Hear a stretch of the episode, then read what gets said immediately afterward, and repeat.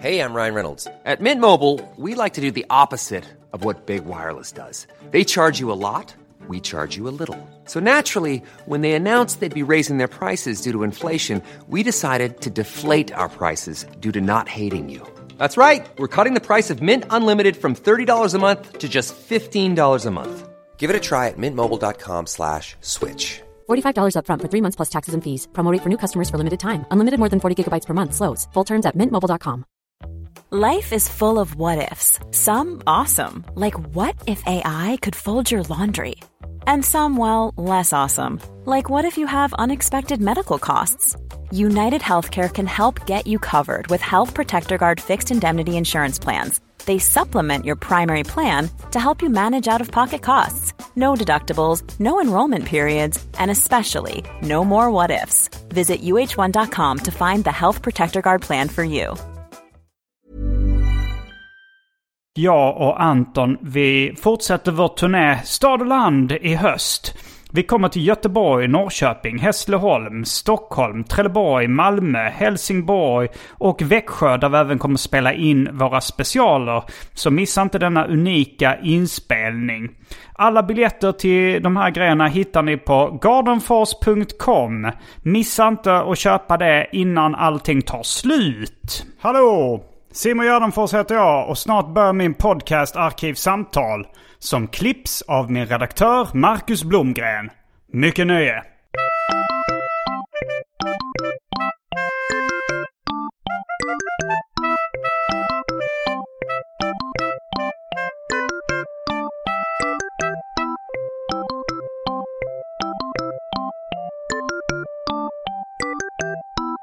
Hej och välkomna till Arkivsamtal. Jag heter Simon Gärdenfors och mitt emot mig sitter Mats Johansson. Välkommen hit! Tack, tack. Du har varit med en gång förr. Eh, Då pratade vi om eh, företaget Acne som du var med och grundade. Stämmer. Eh, Nu så är du ganska nyss hemkommen från en längre Japanresa va? Ja, men jag, för några veckor sedan kom jag hem. Hade, jag har varit en månad i Japan med min familj. Mm. Och jag tänkte att eh, vi ska prata ganska mycket om eh, japansk estetik i det här avsnittet. Som vi båda har ju en eh, kärlek för grafisk formgivning, illustration, gulliga figurer och olika tecknare. Kanske leksaker också? Eller? Absolut. Det är, det är nästan... eh, jag var också i Japan ganska nyligen i mars. Och då, eh, då var liksom min stora passion nog leksaker. Eller prydnadssaker eller vad man ska kalla det. Jag leker inte med dem direkt. Alltså de, de är mest till för att, att stå i hyllor. Statyetter, eller vad man ska kalla det. Ja. Det tenderar att bli mycket sånt, i, framförallt i Japan. Det är, man får knappt upp grejerna ur kartongerna. Eller det är ju, Mm. De ska vara kvar i kartongen till Ja, vissa kör ju det. Eh, complete in box. Men eh, designer toys är också ett begrepp som, som finns. Är det det? Du, du, du tillverkar leksaker själv? Ja, men tidigare har jag väl gjort det lite grann. Eh, men då har jag försökt göra mer traditionella leksaker eh, som nallebjörnar och plåttrummor och mjukdjur och sånt. Som, Mm. ehm, inte så mycket designer toys, men allt som är designat får ju direkt heta designer toys. Så att, eh, jag, har väl, jag har hamnat i de sammanhangen också. Jo, jo det, det är ju lite löjligt egentligen att prata om designade möbler eller designade kläder. Alla grejer är ju designade. Men, eh, men det är väl för att man ska skilja det från eh, alltså leksaker för barn som är främst till för att leka med kanske. Mm. Så vet jag inte om de här, jag har ju mycket maskotar och eh, det, det blev ju en trend också som jag tror startade lite med eh, Tofu Uyaku och Bearbrick på, på 90-talet. Som var, då, då kallades för Designer Toys. Du var ju där då också, berättade du i förra avsnittet, alltså i Japan. I den, kanske i början av den boomen. Ja, men det var jag. Designer Toys handlar väl också om att det inte är stora multinationella företag längre som gör leksakerna. Utan det kan vara hemmapulare som gör egna leksaker, eller småföretag som, som eh, gör leksaker och då använder andra typer av formgivare som eh, graffitartister eller konstnärer eller Mm. kändisar som får göra formen på. Eller att du själv är med och, och får måla på, som det var mycket på den tiden, på 90-talet. Ja, att, man, att de sålde sådana här vita plast, eh, plastfigurer och så skulle man måla dem själva med, med Posca-pennor eller någonting. Exakt. Kid Robot körde väl i USA mycket och Just det. de eh, var väl, kom, tror jag, mycket inspirerade ur fenomen, de japanska eh, eh, Kid Robot och, eller förlåt, de Bear Bricks och Kubricks som Medicom Toys gjorde på den tiden. Så vi- vilka gjorde sa du på?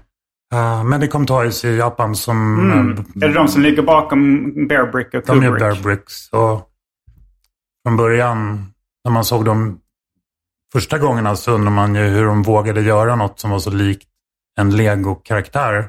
Mm. Eh, och det var innan Lego hade sina minifigures. Sen började de förstå att det, sen började Lego göra sina minifigures till Mm. collectibles också. Så att allting, de multinationella företagen hakade ju ganska snabbt på designer toys-grejen. Men Mm. i Japan idag fortfarande är ju designer toys eh, trend, olika gre av knoppningar och grenar finns ju och lever eh, och frodas ju. Mm. Så att eh, det fortsätter och växer och växer. Mm. Jag tror, tror att det är större än... För, för det kom ju någon boom då när liksom Bear Brick var jättestora. Men är det större än... Ja, det kanske är större än någonsin. Jag tror, tror tyvärr skulle jag säga att det är det. Um, Vi var där nu och det finns ju, de öppnar ju bara större och större ehm, butiker. um, Eh, men det hänger väldigt mycket upp med att de har samarbetat med liksom de mest kända streetartisterna och då blir det, så enormt stort. Just det. Liksom, Och nu är ju Funko Pops extremt stort eh, över, eh, i USA speciellt, men kanske över hela världen. Eh, jag, jag, är inte, eller jag är förtjust i de gamla Funko Pops när de hette uh, Bubbleheads eller Wobbleheads. Eh, men de här, de, de som de slog igenom med de här lite liksom ellipserna, eller vad man ska säga, de här uh, fyrkanterna med rundade hörnhuvud som alla ser likadana ut. De är inte så stor fan av. Men det har ju blivit gigantiskt nu på liksom i LA på Ho- Hollywood eh, Boulevard, Walk of Fame där så har de liksom en sån flaggskepp-store som är enormt och det, liksom, det är köer utanför. Och det, det, är verkligen, eh, det är verkligen stort.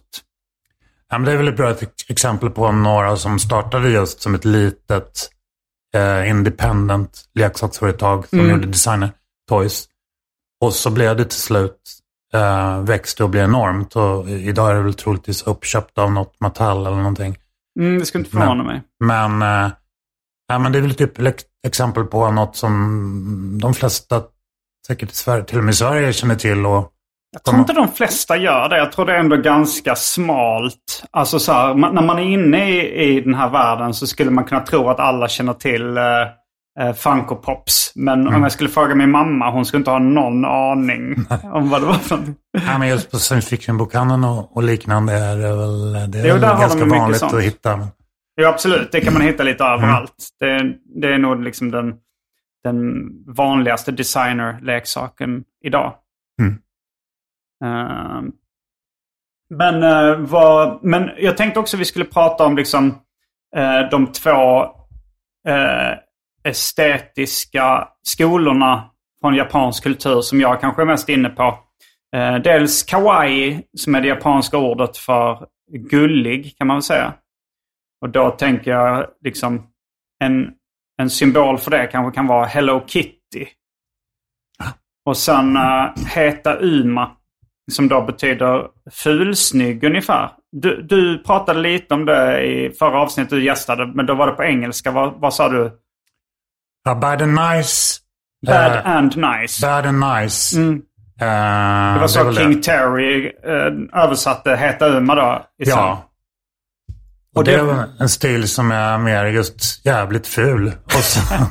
Fulsnygg är den ju liksom. Den är, jag, jag älskar den stilen. Den, den har beskrivits som en, eh, en underground-rörelse i Japan som, eh, på, som startade på 70-talet. Ganska mycket i seriemagasinet Garo. Som, och det var då King Terry var en förgrundsgestalt. Någon snubbe som uh, kallas Ebisu. Jag vet inte om man heter det i förnamn eller efternamn eller bara ett artistnamn.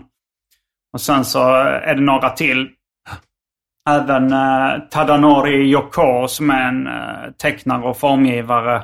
Han var lite liksom en, en, uh, alltså en inspirationskälla för de här Heta Uma-artisterna. Även om hans grejer är mer traditionellt snygga, liksom, slutresultatet. Mm. Men vissa av figurerna, du säger, har en, en, en tavla, en inramad bild av Tadanori Yoko ovanför mitt Pac-Man-spel. Och de liksom figurerna där, eh, de... Det är lite, många av de tecknarna var inspirerade av liksom hans sådana liksom cartooniga figurer som var lite fulsnygga kan man väl säga. Mm. Ja, men jag minns det som att eh, på den tiden så var det också, i USA fanns det ju sådana som Gary Panther och sådana.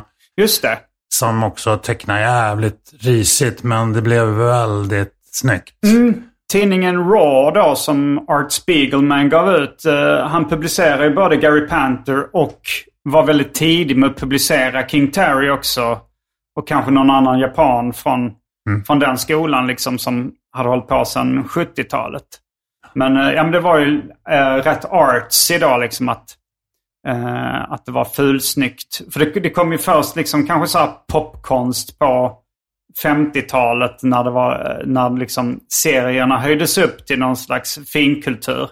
Men sen gjorde ju även Art Spiegelman det här liksom fula, eh, liksom naivistiska till någon slags popkonst i serieform. Och, Eller ja, grafisk form var det väl också. Det var inte bara tecknade serier. Raw och, och Garo var väl kanske lite annan, annan typ av konst också. Mm. Läste du Raw på den tiden eller kollade jag? Ja, men det har, eh, jag, jag är uppväxt med serier i alla dess former. Så eh, lite sånt fick jag i mig. Men det var nog först när jag var över 20 och hade själv börjat jobba mer professionellt som illustratör när då King Terry och Gary Panther och de här blev liksom aktualiserades i min värld i alla fall. Jag läste mer europeiska serier när jag var liten, inte så mycket, inte så mycket amerikanskt. Nej.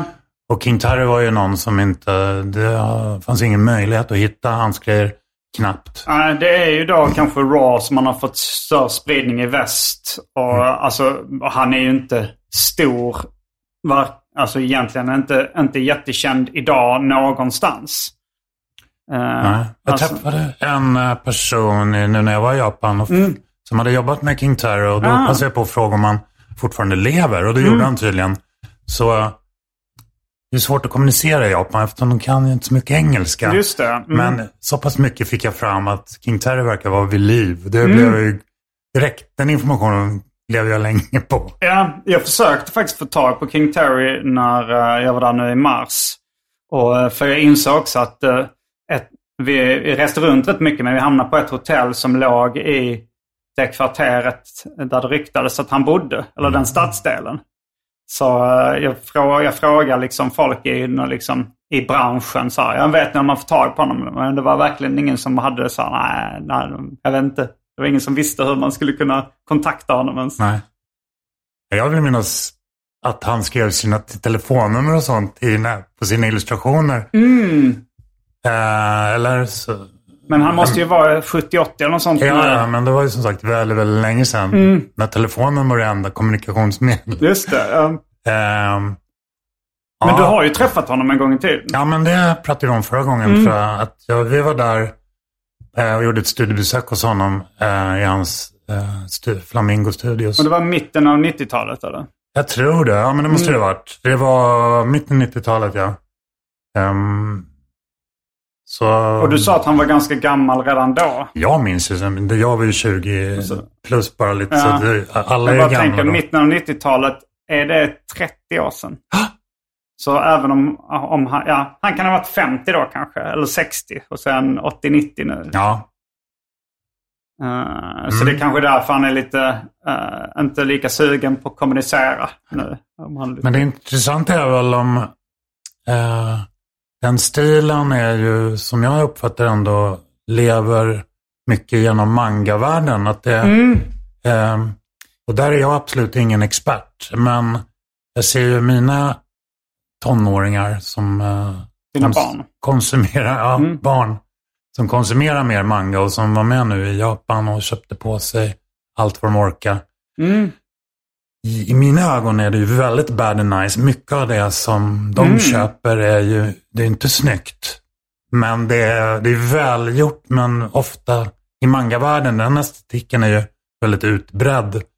Ja, den här traditionella alltså manga-estetiken, eller den vanliga som man kanske ser i One Piece eller eh, Sailor Moon eller liksom sådana serier. Det är kanske den, den mest kända manga-stilen.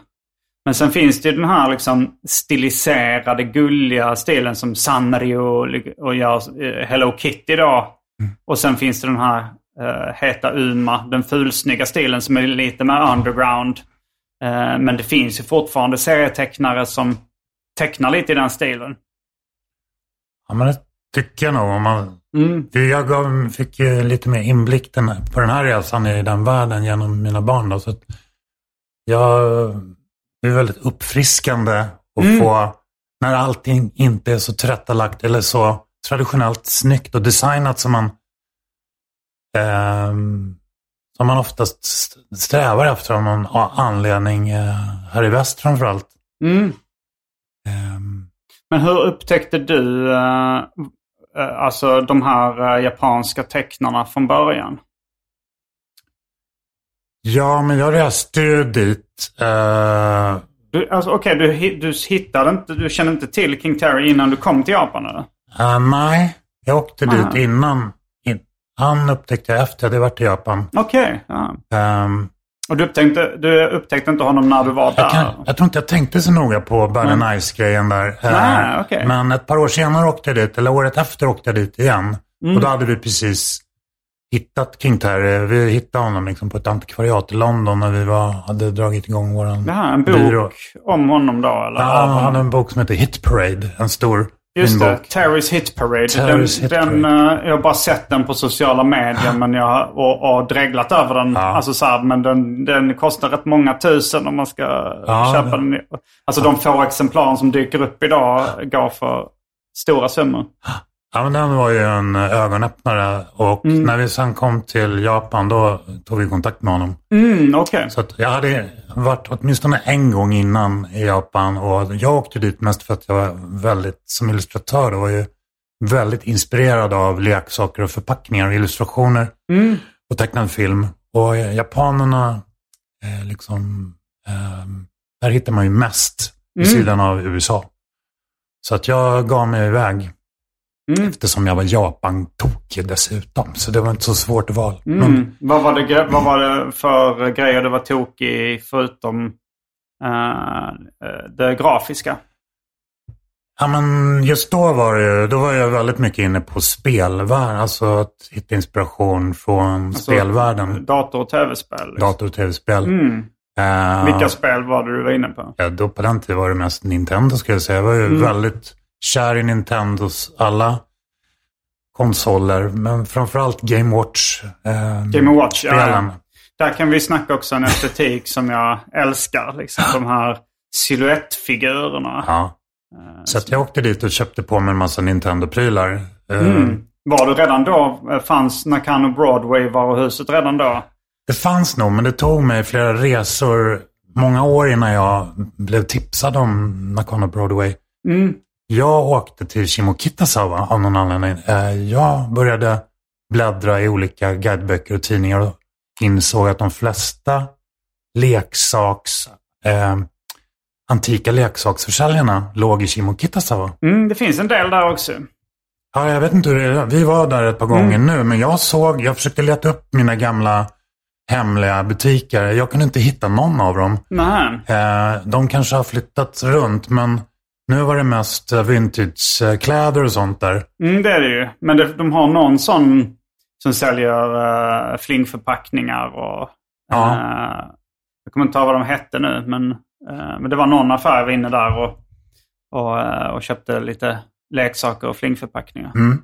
Ja, men på den tiden så lyckades jag snoka reda på en handfull eh, små butiker som sålde då begagnade leksaker. Och då var det japanska leksaker.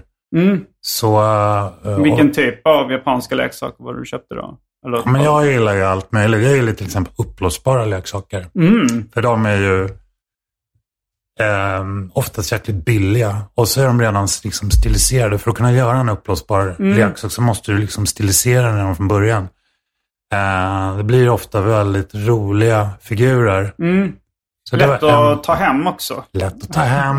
Slipper man ha 90 kilo med det. Jag hade verkligen liksom en full, nästan en helt ny resväska fylld med bara prylar nu när jag kom hem. Ja, så det var tv-spel. Jag köpte Game Watch och lite annat Nintendo.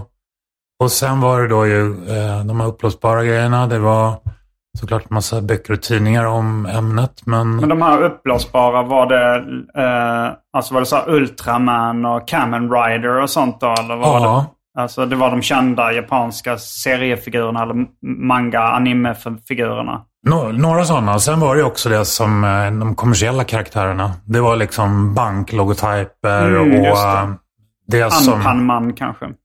Ja, kanske. Anpanman är. Syltmunks. Det är en av de mest kända karaktärerna i Japan.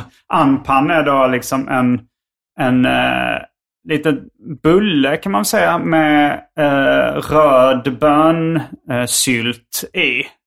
Och, liksom, och då är det en eh, barnkaraktär som heter Anpanman som är en superhjälte som har en sån bulle som huvud. Ja. Eh, Men sånt köpte jag på mig. Mm. Eh, och alla möjliga former av plastfigurer eftersom, som sagt, det där var man ju jäkligt mm. sugen Köpte du Tofu. Yaku då, redan då? Jag tror inte han hade, de hade kommit. De kom nog eh, ett par år senare. Jag är osäker Mm. på när de, om de fanns då. Men För det var den första eh, figuren som jag började samla på. ja, Jag, jag försökte stå emot och samla på plastfigurer ganska länge. Mm. Eh, jag vet inte. Jag, jag, pratade med David Liljemark om, om samla på plastfigurer. Då sa han att det fanns ingen återvändo om man började med det. nej. Och det fanns det inte sen när jag väl hade börjat heller. Men eh, med Tofu Yaku, då var det också lite att jag hade som ursäkt att jag tyckte att förpackningarna var så snyggt designade. Och att jag kunde använda det liksom som inspiration till mina tecknade serier. Ja. Vilket jag gjorde, men sen, men sen fanns det ingen återvändo när jag väl hade börjat köpa. Ja, men jag, min fascination av karaktärer generellt, oavsett Mm. om de är japanska eller amerikanska, så fick jag liksom ett lystmäte väldigt mättat där. Och, och Du fick det liksom- mättat. Du, du var mätt. Du var inte hungrig för mer. Liksom. Jo, ja, men det blev jag Mm. alltid. Men nu har jag varit där ett gäng gånger och nu den här resan senast gick ju lite i det tecknet också. Att, att ändå hitta de här karaktärerna och fokus idag var väl lite mer traditionella leksaker innan plastens Mm. era. Utan mer eh, det som går under benämningen folk toys då, som är traditionella leksaker och talismaner och trä. Mer trä och lera och papier-maché.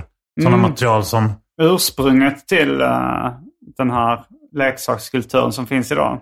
Ja, det är väldigt mycket så. Man kan Mm. hitta, det finns otroligt många kopplingar mellan det gamla och det nya. Allt Ja. från, eh, en av dem, som ett exempel, en av de mest traditionella japanska leksakerna som var väldigt stor eh, förr var ju då alla former av eh, spinning tops, eller vad det nu kallas, snurror. Mm. Jag vet inte vad det heter på ja. svenska. Ja, så när man, ja, man, man knäpper iväg och så snurrar. Ja, vad, vad heter det? Ja, Dreidel. Ja, precis. Nej, men det vad de gjorde i Japan var att de då battlade med dem förut i tiden. Mhm. Man, man har liksom en liten arena och så battlar man eh, med sina spinning tops, Mhm. snurror.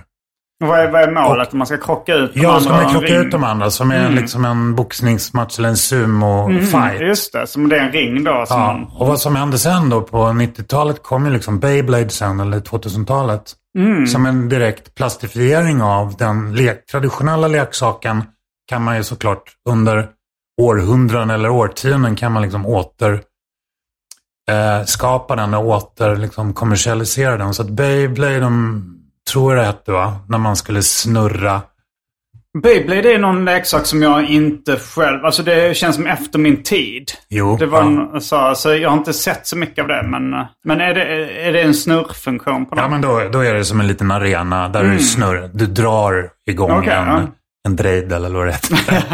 och så ska du battla ut den andra. Och så ska, ska det då vara egentligen bara en, en eh, synonym för eh, en, en anime eller en manga fight, en Pokémon fight eller Mm. en Yu-Gi-Oh! eller alla de här modernare koncepten Mm. heter. Då kommer liksom Pokémon som ytterligare då ett exempel på något där de egentligen bara tagit alla traditionella japanska väsen och demoner och gjort dem till ett modernt koncept.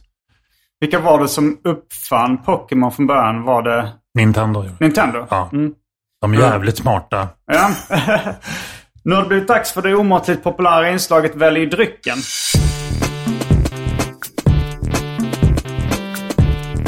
Jag tror vi börjar med det fasta inslaget Välj drycken.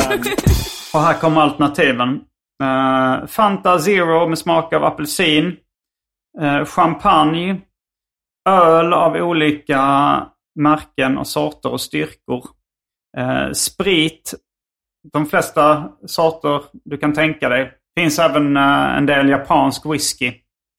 Eh, det finns eh, kaffe. Pulverkaffe då, alltså utan mjölk. Häxblandningen, det vill säga alla drycker som fanns i min kyl innan ni genomgick en så kallad corporate rebranding. Och för tråkmånsar och nejsägare, vatten. Jag väljer kaffe. Mm, och du vet att det är pulverkaffe utan mjölk då? Ja. Mm. Eh, då eh, tar jag Fanta Zero apelsin. Då är vi strax tillbaks med dryckerna kända från det omåttligt populära inslaget Välj drycken. Häng med!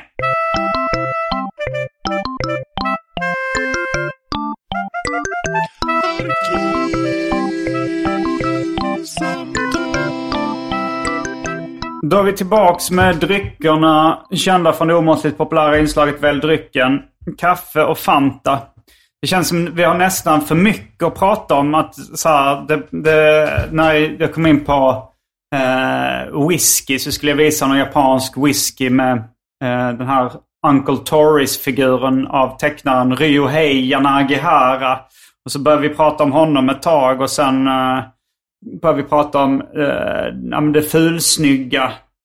Eh, och, känner du till fenomenet hatgubbe? Nej. Det kom från fanzinvärlden på 90-talet. Men det var liksom... Det var, det var lite i den... eh, Lite i samma genre. Att, eh, att det var liksom en teckning som framkallar hat hos betraktaren. Och det är ofta, det är ofta liksom sådana här fulsnygga figurer. Liksom.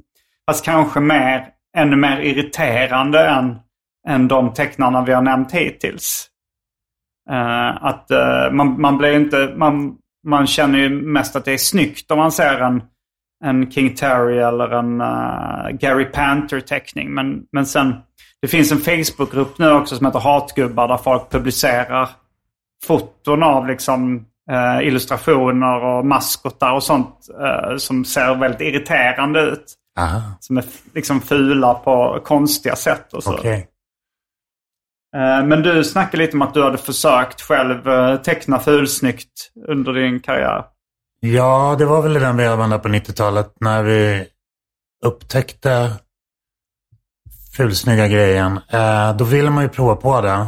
Mm. Och i och med att jag jobbar, som jag berättade förra gången vi sågs, jobbar jag väldigt mycket med Nöjesguiden till exempel. Så då Mm. var man ju tvungen att vara produktiv och göra bilder, mycket bilder hela tiden, varje nummer. Mm. Då var man tvungen att ändra sitt. Kunde Mm. inte köra samma stil hela tiden. Det blir för tråkigt. Så att provar jag ibland att göra dåligt perspektiv och uh, inte kanske dåliga idéer överhuvudtaget. Det låter kul med dåliga... Har du något exempel på en dålig idé? Eh, ja, det minns jag inte riktigt på rak arm. Men jag vet att till exempel bara det, det tillfället när datorn, när vi började, när macken blev så pass billig så att man kunde köpa en, en Mac och rita i Illustrator och så. MacPaint, eller vad det, vad det senare sa. Ja, det var Illustrator. Mm. Det blev ju fruktansvärt fult. Och det publicerades direkt. Jag, jag gjorde grejer som, det var verkligen sjukt låg nivå. Och Art Directorn på tidningen tyckte ändå var skitkul. Mm. Så det var någon form av fulsnygg. Ja. Eh, för att jag kunde helt enkelt inte använda programmet. Men sen försökte jag göra fulsnyggt på riktigt. Jag liksom rita riktigt dåligt perspektiv. Det är väl en, en sån sak där man kan tvinga sig själv att göra någonting dåligt eh, för Mm. att bryta perspektivet. Jo, vi kom ju in lite på de här uh, tecknarna eh, från UPA då, United Pictures of America, som gjorde uh, mycket tecknad film på 50-talet. I USA var det framför allt. De körde ju mycket med det, så här skeva perspektiv och, och konst. De var ju inspirerade av modern konst då, alltså Picasso och Braque och sånt. Och även de gjorde ju sneda perspektiv och, och lite, även fulsnygga grejer skulle man väl säga liksom. Alltså Ja. mycket av Picasso är ju verkligen heta Uma om man tänker efter. Ja. Jo, men det var ju en stor inspirationskälla även för mig eh, innan. Picasso.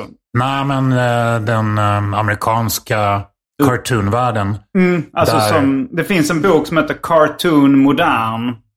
Som både du och jag har dreglat rätt mycket över gissar eh, vi, vi pratade om den japanska tecknaren då, Ryohei Yanagihara som hade gjort den här maskoten till eh, en Suntory Whisky.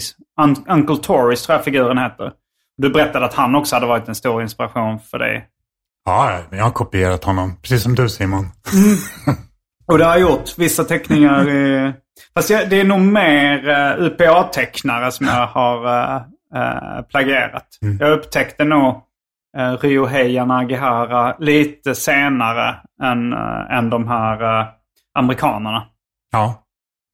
ja men det är svårt att komma ifrån när man jobbar med illustration och form. Att inte inspireras och kopiera andra. Det är ju liksom, Ja, visst. det är ju så man lär sig.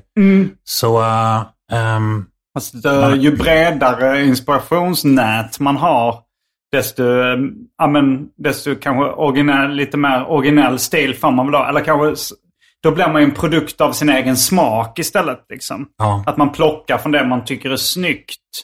Eh, men om man bara är inspirerad av en tecknare, då är det lättare att hamna i plagiatörfacket än om man plockar lite från ett brett nät av inspiration. Life is full of what ifs. Some awesome, like what if AI could fold your laundry? And some, well, less awesome, like what if you have unexpected medical costs?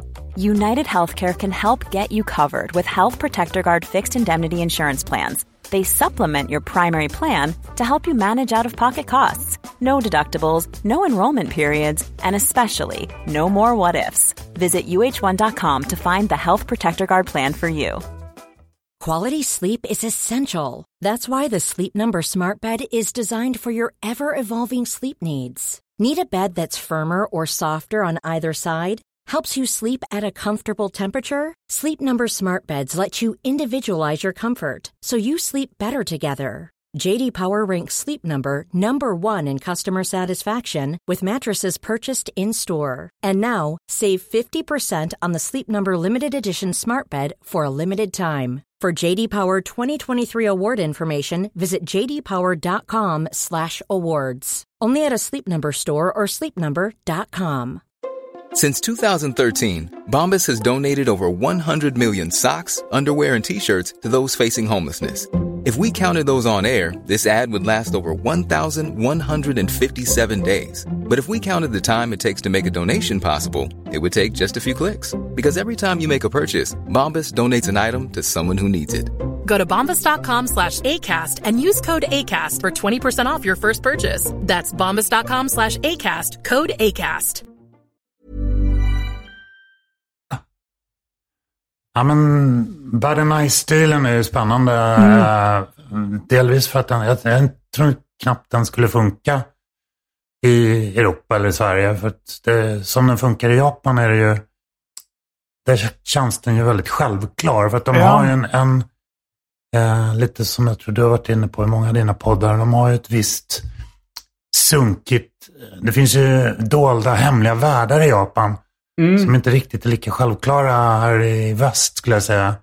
Med, med sjuk, sjuka hobbys och, och Ja, ja, det är mycket... våga, släppa loss, våga släppa loss på ett helt annat sätt. Jo, det är rätt mycket perversioner och sånt som är accepterade.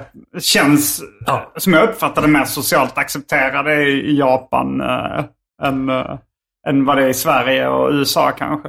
Ja, men de här, hela man, mangavärlden, om jag ska vara lite fördomsfull, är Mm. stora delar av det som mina barn konsumerar. Det är ju väldigt pervers. Mm. Eh, våld och, och liksom eh, spänner ju bågen åt alla håll och kanter. Den Mm. är ju väldigt liksom fri.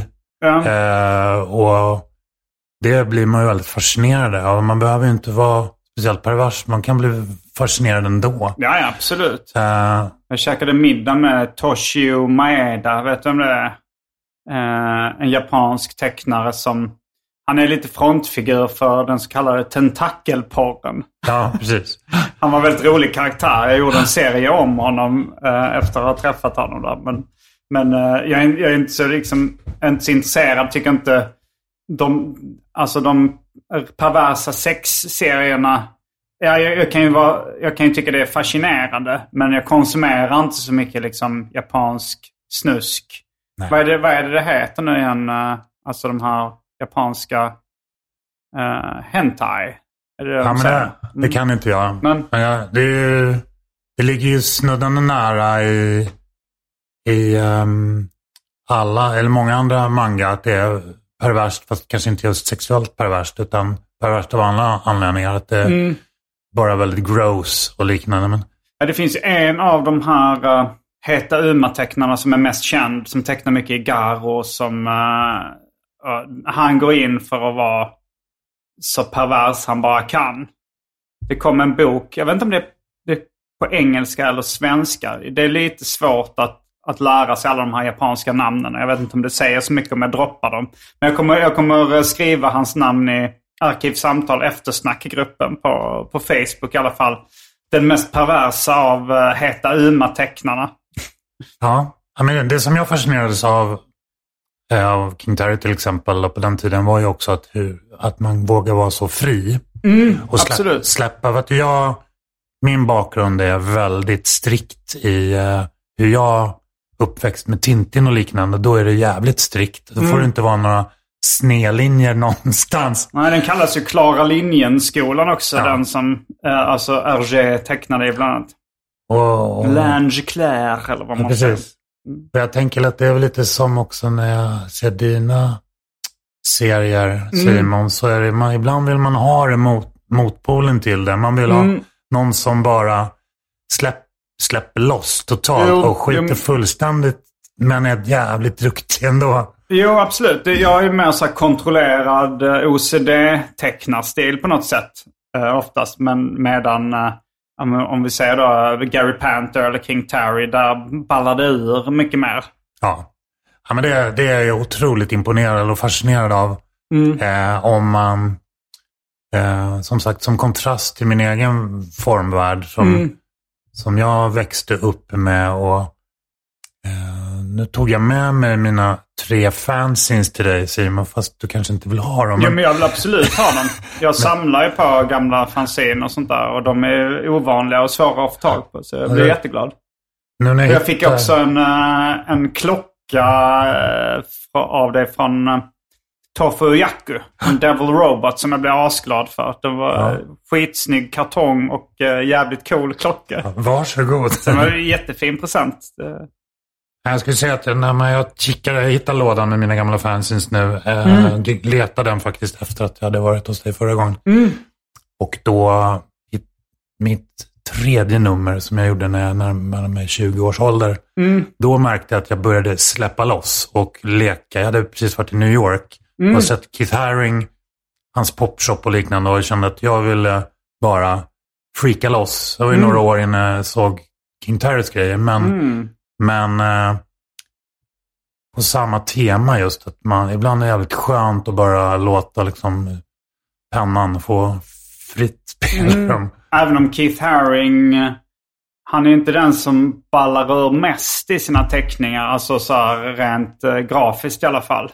Nej, Eh, alldeles lagom ballar ur för, Ja. för min efter att ha växt upp med Tintin. mm. Så Men, eh, men om man tar liksom den amerikanska serievärlden så liksom den mest kontrollerade stilen i ena hörnet är kanske då Chris Ware. Han, han, gör, han är väldigt, väldigt kontrollerad. Och sen så i andra ändan så kommer det... Känner du till Fort Thunder-tecknarna och Paper Rad? nej, De- jag är ingen bra på amerikansk serie. Mm. Jag, jag köpte en del på 90-talet. Mer eh, Mm. Som jag tyckte kändes lite europeiskt när de började.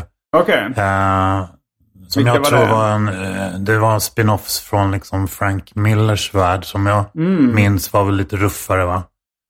Ja, alltså... eh, Jag minns, jag minns alltså inga var det av Frank Miller? Alltså var Nej, det... men, nej, av andra tecknare som Jaha, tecknar ja. lite, mer, eh, lite mer europeiskt. Mm. Eh, Ja. Det är jag- inte riktigt den skolan uh, jag var inne på. Eller jag läste absolut Frank Miller och var ett stort fan uh, när jag var liten. Liksom. När han kom med Batman Dark Knight och den kom på svenska så köpte jag den och tyckte det var det coolaste jag sett.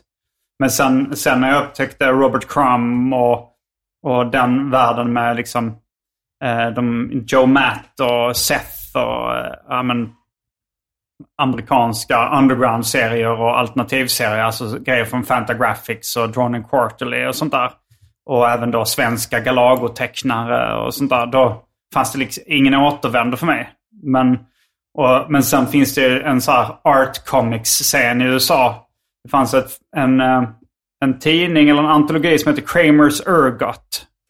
Eh, där det publicerades liksom rätt mycket så avantgarde-serier. Eh, Eh, som Sammy Harkham heter han som var redaktör för det. Han är också serietecknare själv. Har just kommit med ett album eh, som handlar om filmskapare i Hollywood på 70-talet som är jävligt bra. Den heter Blood of the Virgin.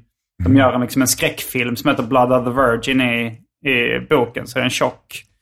Eh, men han liksom var redaktör för här antologin som heter då liksom Kramers Ergot. Och där, där fanns det liksom eh, några tecknare. Ett kollektiv som heter Fort Thunder, ett kollektiv som heter Paper Rad.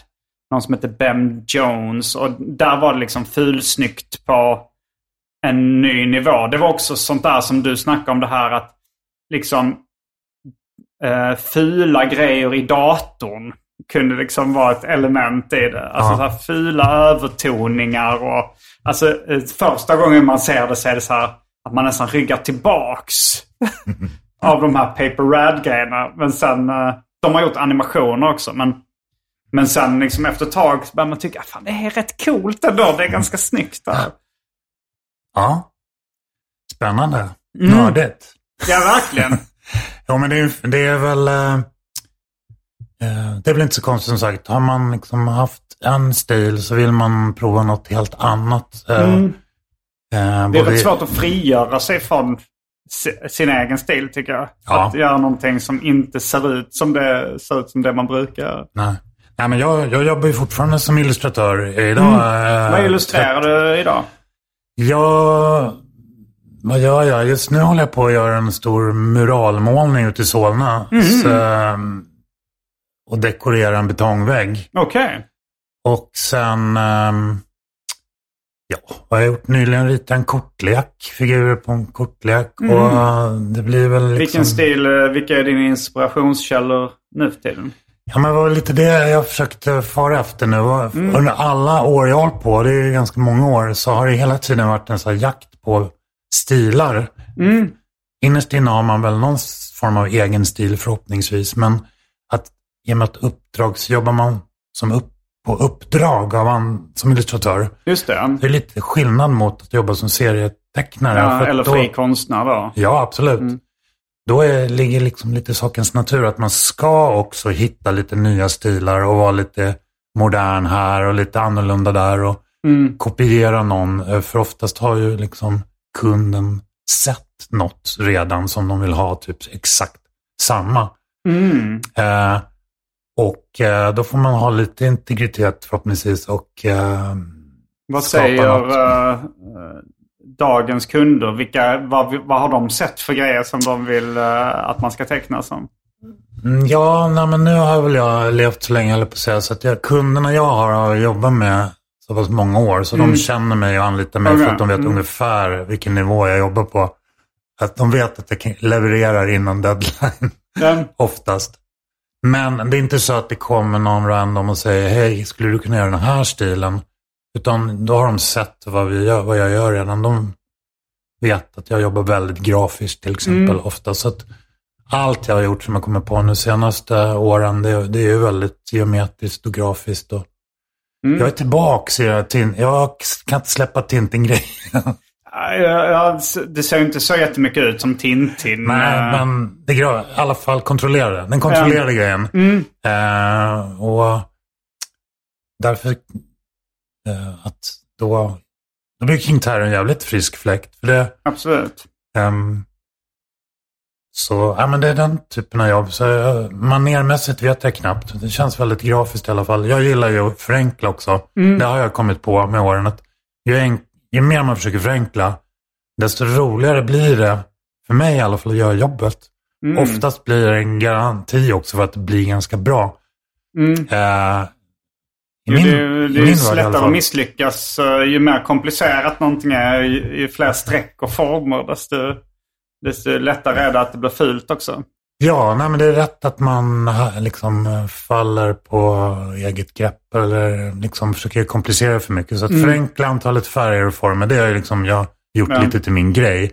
Det finns ju också en lathetsaspekt i det. Att det, det är klart att det, får man till det Eh, så eh, behöver man inte sitta tre veckor och göra en illustration, utan det kan Nej. gå fortare. Ja, men det blir ju ofta snyggare tycker jag när uh, ja, men ju färre färger, eller färger. Två färger, eh, det, det är nästan, eh, nästan max tycker jag. Så i alla fall om man eh, om det ska vara så snyggt som möjligt. Ja, Men jag tror det är samma sak inom mycket, eh, inom mycket, alltså det var någon musiker, jag kommer inte ihåg om det var Lou Reed som sa liksom att ett ackord är okej. Eh, två, där knuffar du på gränsen. Och tre, då håller du på med jazz. och det var enligt honom negativt då. Att man ska hålla det. Ja, nej, men det är olika sätt att jobba på. Bara. Jag jobbar lite åt det hållet och, och eh, varför vi pratar om de här grejerna fortfarande efter alla dessa jag på att säga. Det, för mig är det ju såklart med lite, titta i backspegeln så är det alla de här grejerna som du pratar om och har in- inspirerats av och mycket av det anknyter till sånt som jag har tittat på och inspirerats av under årens lopp. Och det är liksom, går inte att komma ifrån att det är det som har format en som som eh, kreatör, vad, man sen än, vad man än kreerar. Mm. Eh, det är väldigt spännande. Därför är det kul att återvända till, jag har inte rest lika mycket i, i USA som jag förstår du har gjort, men jag har ju känt att Japan, där kan jag hitta i princip allt jag behöver. Förr då när jag verkligen sög i mig allt och köpte på mig allt. Nu, nu senast när jag var där kändes det skönt. Mm. Jag kan trösta dig Simon med nästa gång du åker dit kanske kommer kunna vara lugn, back, backa och bara njuta av allting. Man måste inte köpa allt, men Nej, men du köpte ändå, för, förra gången du var med i den här podden så sa du att du hade slutat köpa grejerna. Var det när du fyllde 50 du slutade köpa? Ja. Eh, Men nu så kom du ändå hit med lite nyinköpta grejer. jo men jag fick ju Du tog ett återfall. jag fick den här resan, delvis då finansierad av stipendium för att åka och studera, Du jobbade Japanstiftelsen. ja bland annat. Mm.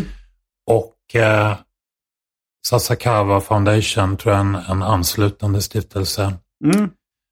De finansierade delvis resan just för att jag skulle dit och studera traditionella leksaker och Mm. kanske också vad de har för koppling till dagens leksaker. Ja. Eh, och där hittade jag ju massor och gjorde studiebesök och grejer. Och då, eh, en del fick jag ändå köpa, men fick också en hel del grejer. Och folk är väldigt generösa Just det, det är ju lite tradition då att man ska ge en present varje gång man, man träffar någon. Men det, det är lite ångestframkallande ofta, också då om man träffar 20-30 pers och man inte har 20-30 presenter från Sverige som man känner egentligen skulle vara god kutym. Ja. Jag, tog med, jag körde en fuling och tog med mig några dalahästar. Jaha, du gjorde det? Det, det kändes, det funkade nästan varje gång. Mm. Men det, det är lite eh, låg nivå. Så, Var det små dalahästar då? ja, men jag hade två storlekar beroende på hur viktigt mötet var. Men de flesta var ju glada tills bland annat vi kom, vi var i en liten by eh, söder om Tokyo, Kamakura. Mm. Där eh, vi hälsade på några som, som säljer då leksaker med fokus på de här trädockorna, kokeshi-dockor och Heter de kokashi? kokeshi. Och de, de är så här runda huvuden med, med... Det ser ut som kvinnor med svarta runda frisyrer eller? Ja, men Är det det är de? en variant av kokeshi. Ja. Men de har en liten butik där de eh, säljer sådana och de säljer tillsammans med ryska matryoshkas. Så det var en liten... Är var det sådana bara- ryska dockor som man plockar som är mindre och mindre? Ja, nesting dolls. Mm. Det, sen gick jag, så, så fick vi en massa presenter av dem och vi handlade lite av dem i deras butik och de fick en dollar. Så två kvarter bort fanns det en Swedish shop Ah, med, med dalahästar. Det är ju, allt svenskt finns ju i Japan också. Till och med den lilla byn fanns det ju en Swedish Scandinavian shop med dalahästar. Så, så, så jävla exotiskt var det ju tyvärr inte. men, Men eh, vi gjorde andra studiebesök lite mer eh, längre bort från Tokyo. Och då träffade jag då en hantverkare som eh, eh, jobbade då med träleksaker. Och då, de eh, kanske inte hade sett, de visste ju vad en dalahäst var. mm. Men för i deras värld låg det ändå, det var nog det närmsta vi kommer svenskt eh, hantverk eh, kopplat till eh, Ja, jag har inte ens tänkt på att en dalahäst skulle vara en leksak. Alltså jag gillar inte riktigt dalahästestetiken. Den, det har ju, man, man är ju väl säkert hemmablind men jag, Ja. kan inte, jag kan inte se riktigt skönheten i det. På samma Nej. sätt som jag kan se det snygga i eh, vissa japanska träfigurer. Nej. Nej, japanerna är ju lite vassare på Jag träleksaker. det. Men eh, just, det var, det var, mm, det var anledningen till varför vi åkte dit först och främst. Eh, Mm. och, Det här eh, stipendiet då? Eller ja, här, att, att liksom, träffa, studieresan. träffa lite olika hantverkare eh, och lite, träffade även ett par stycken som gjorde liksom, moderna varianter och var mer streetartister. eller Man ska, Mm. Men det var bara träleksakstillverkare du träffade? Eller vad det? Ja, primärt var det det. De som Mm. jobbar modernt jobbar ju både trä och sen gör de ju då plast och vet Mm. inte, vad heter det sofugi eller de här. Sofibu. Sofibi. Alltså det, det, är, det är en förkortning av soft vinyl då. Exakt. Eh, fast de blandar ihop bokstaven V och B. Sofibu. Eller något sånt tror jag de säger. ja. Så att de, han jobbar plast, han jobbar, han var även jobbar som konstnär numera, men hans grund var Allra först såklart lite som vi, man är illustratör och grafisk formgivare eh, i grund och botten. Men sen har han då tagit över sin farsas träverkstad. Som, farsan var väl båtbyggare tror jag någonting. Så han slutade med att han stod och svarvade trägubbar. Okej. Och helt plötsligt var han då en Kokashi-makare i en hyggligt traditionell bemärkelse. Men gjorde figurer som då såg mer ut som sånt som, som jag kanske hade gjort. Eh, lite mer grafiskt enkla. Mm. Lite mer som en uh, designad toy. Och mycket riktigt så, han, säga, han har ju haft utställningar över hela världen. Han, har- han har haft ett Vad fem, heter han? Han heter Emu. Mm. Var det hans artistnamn? Ja, han hette det i en förkortning. Det var en del av hans japanska namn. Mm. Men, men eh, men jag tänkte på de här japanska traditionella figurerna och sådär. Det var någon japansk leksakssamlare som berättade om att det hade kommit en, en katalog, eh, tror jag, eller en bok för väldigt länge sedan i Japan som liksom beskrev eh, monster och demoner eller något sånt. Japanska monster och demoner. Mer som liksom en varning då. Eh, de här, att de var lite, ja men, eh, en varning då att de här var, eh, ja det här är sånt som finns. Eh, att folk tror på de här demonerna och Alltså, men eh, det, det, det var liksom i negativ bemärkelse den här katalogen som man skulle veta. Men, men att det blev då liksom att folk tyckte de var coola de här och började göra leksaker av dem eller göra figurer av dem. Ja. Har, har du hört någonting om det här? När kom den katalogen menar du? Jag vet inte, det var, det, jag träffade en japansk leksakssamlare eh, och dealer då som bara berättade om den. Han visade inte den katalogen. Men den, Nej. den, det kan ha varit ja, eh, kan ha varit 1600-talet, det kan ha varit 1800-talet. Jag, Ja, jag ja. minns inte riktigt Nej. vad han sa. Men, Ja, men det, det låter rimligt. Eh, någonstans, eh, min lilla forskning då, eftersom jag var på den här forskningsresan. ja. så försökte jag vara lite duktig och läsa på. Och så långt jag kom så är det ju, jag har ju alltid varit väldigt fascinerad av att japanerna helt, hela tiden eh, besjälar allt. Mm, Din, till exempel din tofu, just det. killen. Det är ju liksom, va- varför har helt plötsligt tofu blivit en figur? Och varför en skål ris eller en, en liksom eh, katts rumpa blir helt plötsligt en karaktär? Mm. Och eh, det där har jag väl förstått att det är djupt rotat i deras, liksom, i religionen och i, i mytologin, den, den shintoismen och, och i, i kulturen. Och, och där förstår jag väl att historiskt, den här katalogen som du nämnde, om den nu Mm. kom förr i tiden, alltså så pass långt tillbaka, så då var det nog, eh, eh, alltså det är en, hela japanska samhället genomsyras ju fortfarande av den mytologin eh, som, som uppstod då mycket. Så de här träleksakerna och de här talismanerna som jag åkte dit för att kolla på, eh, nästan alla de finns ju fortfarande i, i butiker. Du kan handla dem i princip i varannan butik. Och de finns i manga, i anime, i alla spel. Eh, som sagt, Pokémon är ju mest kända. Det är liksom bara en variant av alla de här demonerna och monstren. Eller Godzilla, ah, hela liksom, den kulturen är ju liksom alla de här demonerna om och om igen. Mm. Men Godzilla, kommer den från liksom traditionell japansk kultur eller var det, var, det liksom uppfanns när, jag, jag, vet du någon bakgrund kring just Godzilla? Ja, men det får väl nog bli en annan podd. Ja. Ja. Nej, men jag är ingen, ingen expert på det. Men däremot ser jag ju alla monster. Eh, det är bara ett, ett exempel på monster, eh, precis som ett pocketmonster. Där eh, under liksom, alla år och historiskt så har liksom japanerna bara matat på med dessa monster.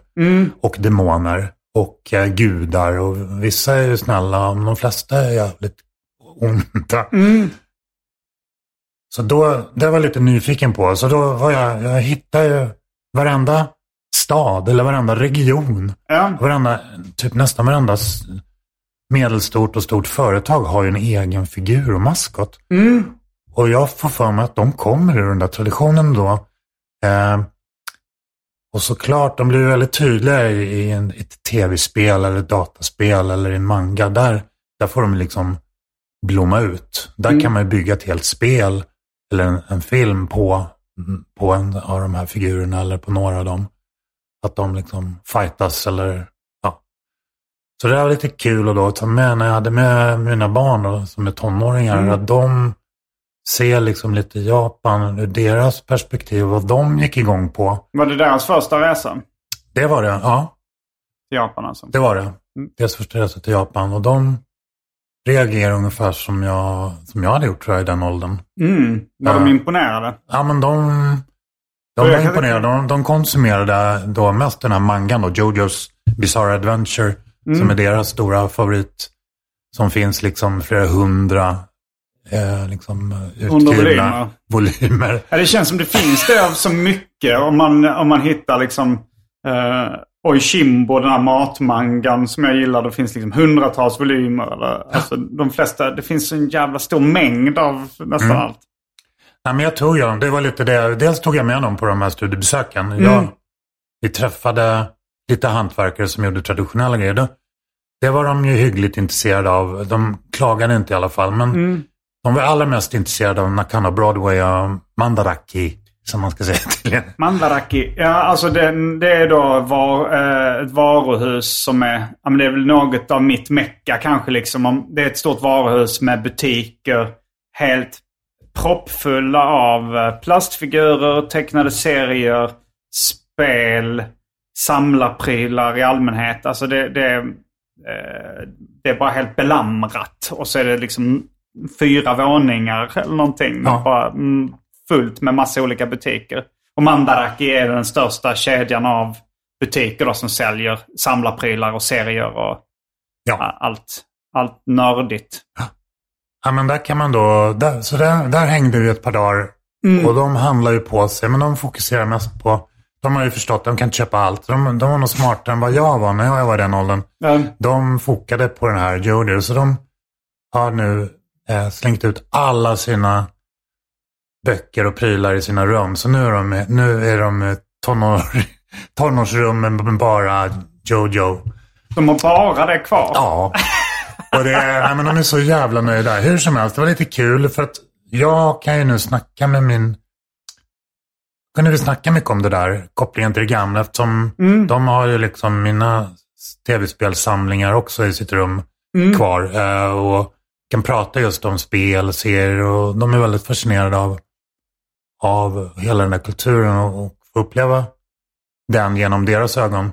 Tur du hade ändå som fick eh, nördiga barn. Att inte, att det inte bara var så här fotboll och Ja, folköl eller något sånt. Nej, men jag har ju drillat dem stenhårt. Att vi, ja, det som hände var mycket kul. Men just i Nakano finns det då, bland annat fanns det då en Jojo bar. Aha, En bar bara för den här mangan. Det jag känner inte till. eh, Vad heter den? Jojo... Jojo's Bizarre Adventure. Okej. Och den första numret kom i början av 80-talet och den kommer fortfarande. Mm, Och det finns anime och manga då? Ja. Och han som tecknar den tecknar fortfarande. Han, vi åkte till och med till hans hemstad och som ligger eh, några timmar norr med tåg norr om Tokyo, i Sendai. Som av en slump så är det därifrån kommer ju också mycket av de här Kokashi-dockornas ursprung är just i den här regionen. Så vi var liksom i den här hems, mangans hemstad och fick hänga på lite så här hotspots där man liksom, som är med då i serien. Men just vid Nackan och Broadway var vi på det här. Då tog barnen med mig och deras mamma på den här Jojo-baren. Och det är liksom en vuxenbar. Och jag vet inte om du har varit i Japan med barn, men det finns ju inga åldersgränser. Du kan Finns gå inte in... det? Nej, inte för våra barn i alla fall. Nej, nej jag, jag, det var någon kompis som haft barn. Ja, men de har nog också varit med på barerna nu när jag tänker efter. Så vi gick in på Jojo-baren och klivde man in. Den heter Dio. För det är då den...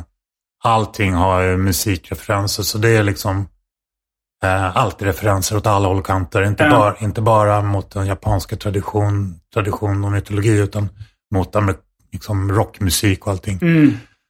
Så eh, då, går man in genom en dörr i form av en uh, garagekistlock Mm. och eh, gå in som en tomb. Och där står det då cosplay. Folk som är lite utklädda till den här Jojos Bizarre Adventure. Och så finns en drinklista och en snackslista på så här 300 sidor med du fattar inte ett jävla skit vad det står. För att det är så varje drink är liksom en referens till någon seriestripp på sidan 350 i liksom någon volym. Och mina barn fattar ju de grejerna. Så de beställde in chips. Det hette... Eh, nej, vad hette det nu då? Ja, det glömde jag nu. Nej, men de beställde in en drink till mig som hette Sex Pistols. Mm.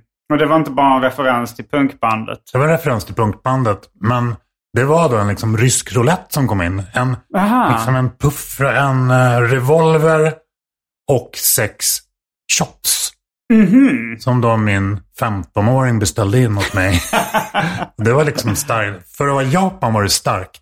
Uh, För starka du vet, shots. Ja, för du vet, spriten i Japan är inte speciellt stark. Förutom... eh, ja, du kan ju Ja, whisky kanske, men- och Strong Nej, men- Zero om du har druckit Ja, det. nej, men nej, det mesta. Det är svårt att bli full i Japan tycker jag. Ja, men, jag tycker också det. Men jag, jag undrar om det... Om de, för att man kan ändå se procenten. Men jag tror det är lite så att travelers high också. Att man har så mycket endorfiner i kroppen att man inte känner sig lika full och bakis där liksom. ja, nej, men vi fick i alla fall in lite olika drinkar och barnen beställde. Mm. Så det var ju toppen. Och så, så var det ju väldigt mycket kuriosa och de, man fick klä ut sig och hålla på med. Men Så- det här Sex Pistols. hade det någonting med Jojos Bizarre Adventure att göra? Ja, ja, men det är som sagt många, vad jag har förstått så är det jättemycket eh, musikreferenser i den.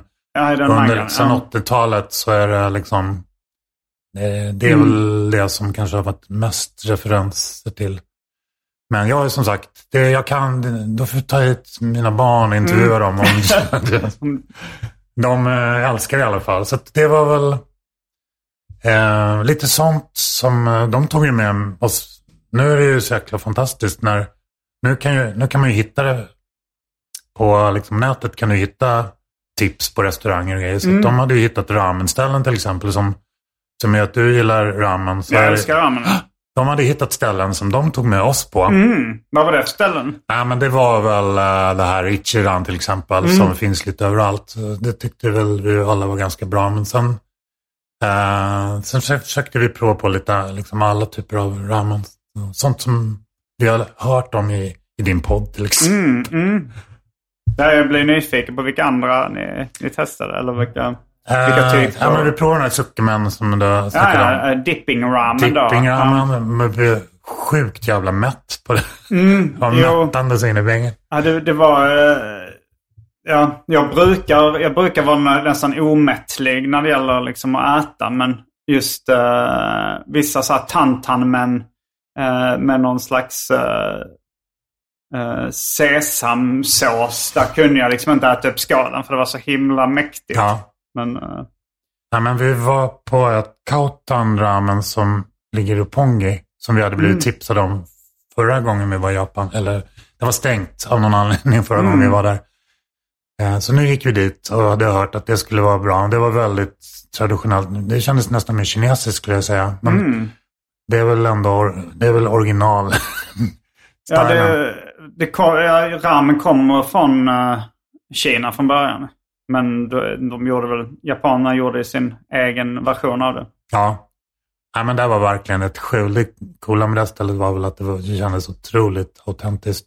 Det var ver- verkligen bara ett litet skjul. Mm. I mitten nu vet man ju vad hyrorna är i Roppongi. Det är ju liksom det är väl jordklotets högsta hyror. Men det finns ju fortfarande sådana skjul kvar. Mm. Som serverar liksom med plåttak och serverar en soppa och lite gyoza liksom. Ja, de brukar ju inte höja priserna så mycket heller. De har inte riktigt, de kör inte så mycket på utbud och efterfrågan. Nej, Att, eh, att då, då är det bara längre kö. Nästan. De kan Ja, höja det- lite men det, det känns som att de vill, de, eh, de vill inte höja det för mycket av någon anledning. nej. De vill inte vara giriga kanske. Ja, det är väl en fördom man kan... Eh, många nog har. Eller just att det skulle vara dyrt i Japan. Men det är, det, är det ju inte. Nej, Det är det är billigare än i Sverige ska jag säga. Och framförallt käk. Alltså, du kan Mm. äta, du kan verkligen äta helt fantastiskt för liksom inga pengar alls. Mm.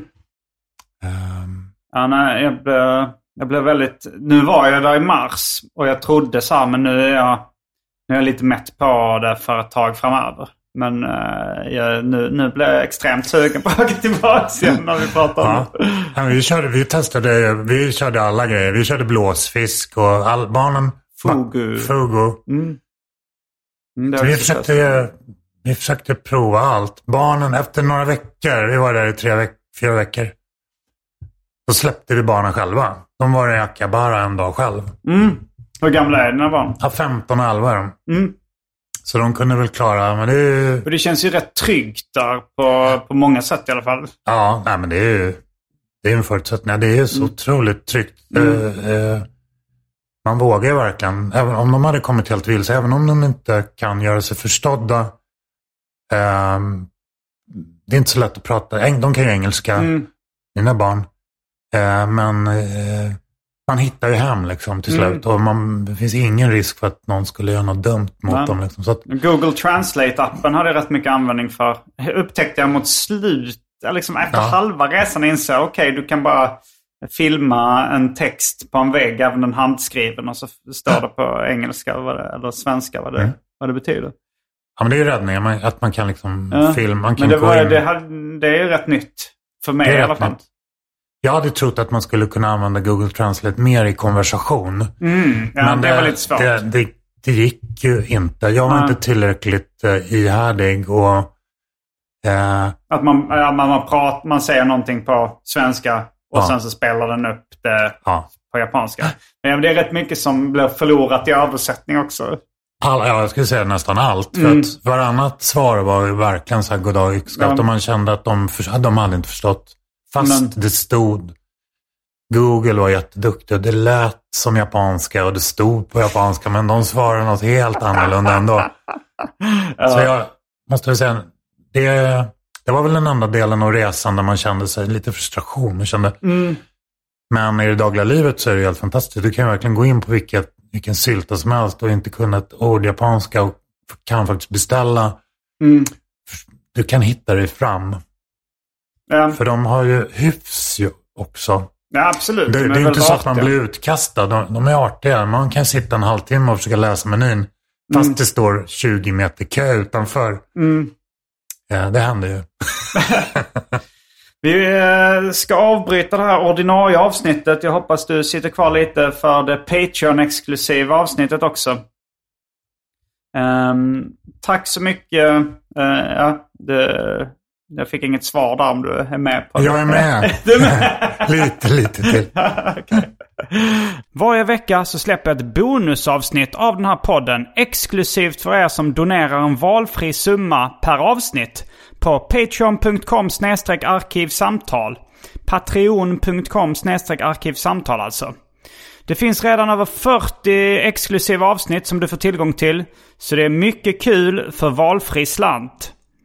Vill du bara vara schysst och säga tack för åratal av underhållning så kan du även swisha en slant på 0760 72 47 28. All denna info finns även i avsnittsbeskrivningen. Och glöm inte att följa mig på Instagram och andra sociala medier. Där bjuds det på gratis skämt och mycket annat. Eh, tack för att du medverkar i detta ordinarie avsnitt av Arkivsamtal. Jag heter Simon Gärdenfors. Jag heter Mats Johansson. Fullbordat samtal.